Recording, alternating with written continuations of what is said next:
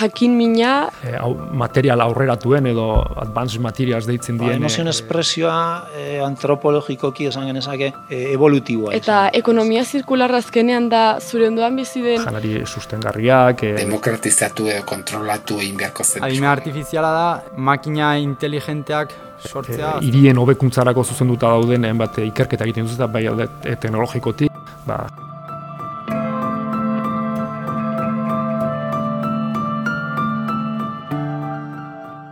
Zein da mugikorrik egokiena niretzat? Zer da medikoak egin behar didan erresonantzia magnetiko hori? Egia alda Pirineotako ibonak desagertu egin behar direla hogeita mar urtean. Nola dakit arnasten ari naizen airea aire garbia den ala ez? Irizpide zientifiko-teknologikoak behar ditugu hainbat galderei erantzunak emateko. Eta hortarako, garrantzitsua da gutxieneko zientzia ezagutza edukitzea.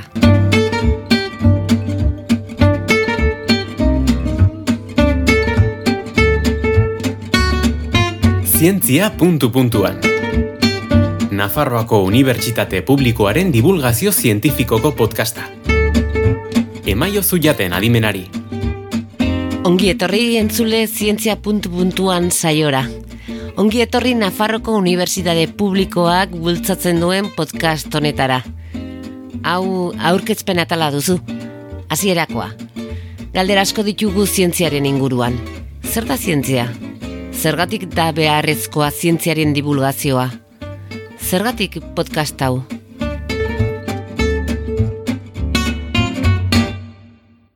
Zientzia puntu-puntuan prestatu nahi honetan, hemen gurekin eltze artean Martin Larraza, Nafarroko Unibertsitate Publikoko errektore ordea.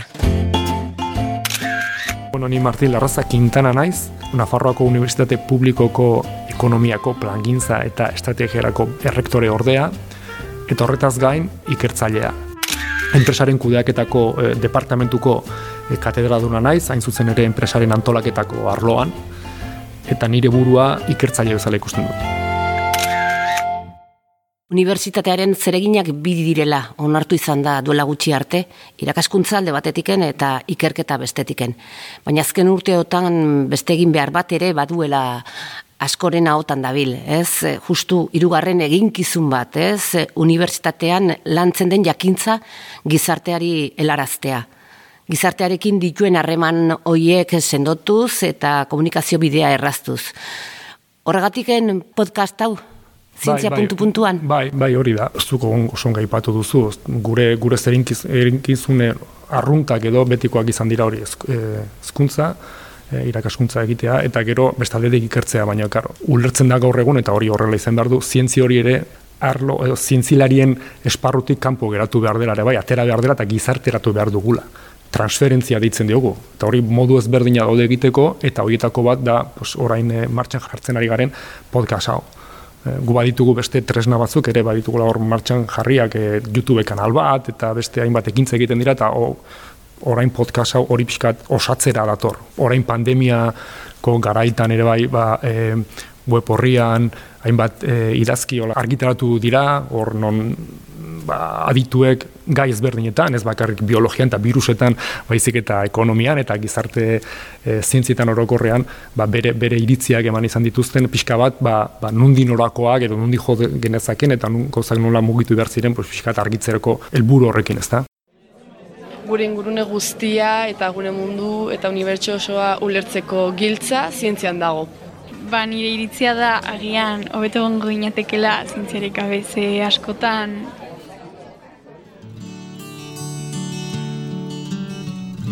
Martin, orain gutxi arte ikerlariek uste zuten etzela beharrezkoa euren ikerketen berri ematea. Gaur egun berriz gauzak aldatu dira lehen aipatu dugun bezala. Bai. Ez, hemen ere nabari duzue? Bai, bai, nabaritzen da, eta gero eta e, nik uste gero eta gehiago, kargiago dugu, ba, hori de egin behar dela, ezta?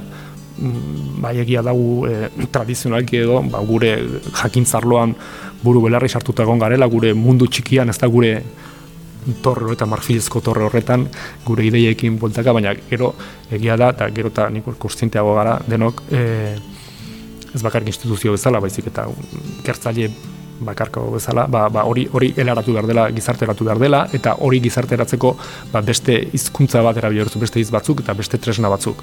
Gu, goro, e, gure ohitura da, e, ba, gure ikerketak artikulo zientifiko batean e, idaztea, eta gero gure aldizkari zientifikotan e, argitaratu zintzilariek irakurri dezaten. Ba, bueno, ba, hori e, gizarteari or, e, orokorren ez iristen, orduan beste bide batzuk bilatu behar dira. Eta horretarako dago podcast hau e, bideratuta, non gizarte osoari ba, beste hizkuntza bat erabilit, pues, atzaldu behar diogu, bueno, nik zer egin dudan, zer dudan, nik zer dakit, atzo ez nekiena eta gor bai dakiena eta zuretzako baliagarria izan daitekena.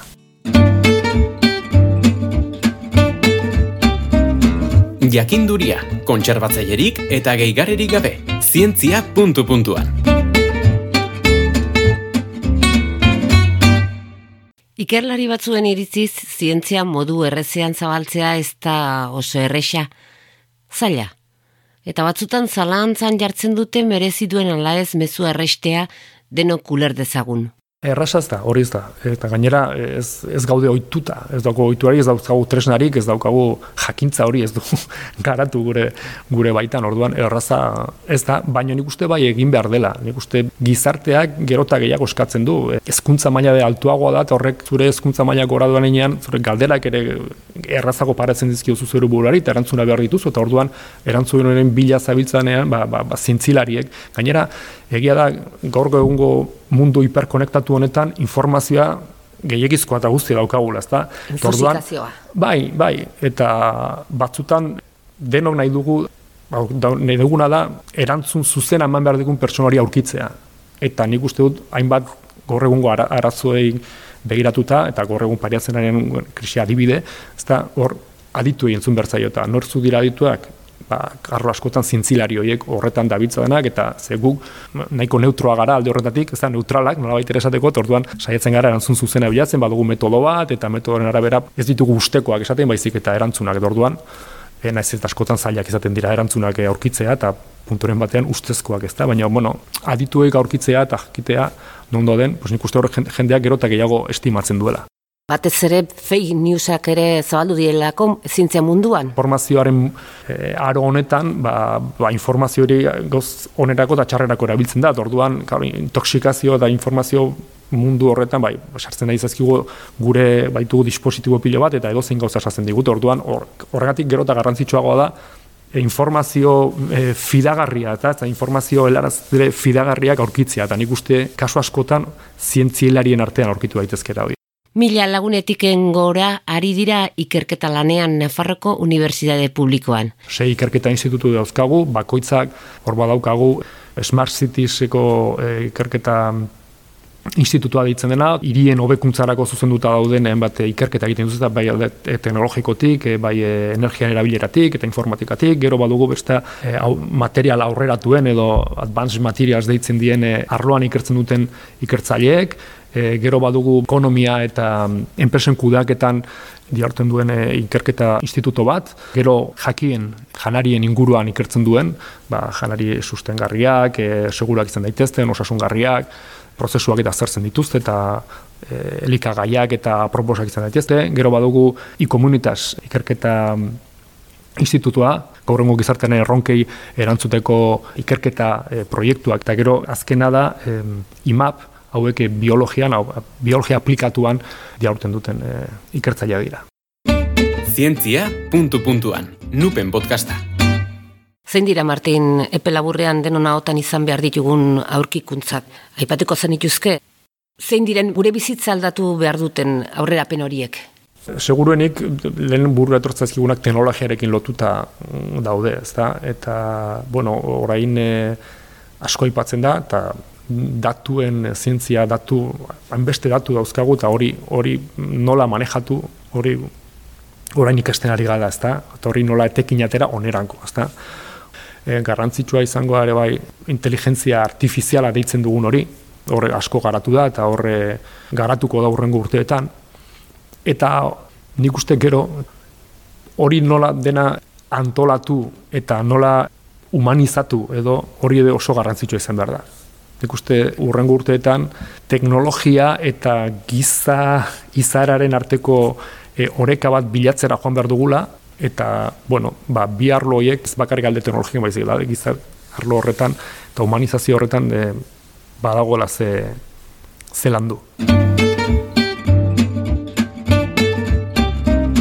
Menuan mota guztietako jakintzak, egiazko jakiteak. Puntu puntuan beti ere.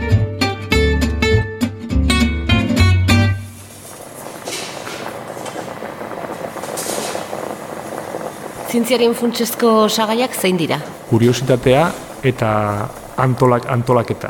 Metodo bat jarraitzea. Jarraitu behar duzu gauzak, egin behar dira pausuz pausu. Zientzia burburrean, pilpilean edo labean. Burburrean, bai. Egin behar dira gauzak, egosi egin behar dira, denbora behar dute, eta ezin dira tita bateko erantzunak eman. Nola zerbitzatzen da zientzia? Punt, puntuan eh, Nafarroko Unibertsitate Publikoan? Bai, puntu puntuan ez. Bere puntua dauka, bain e, egosi ondoren, ongi, ongi sukaldatu ondoren, bere puntu bere puntuan bai. Zientzia bakarrik edo elkarlanean? Elkarlanean dudari gabe.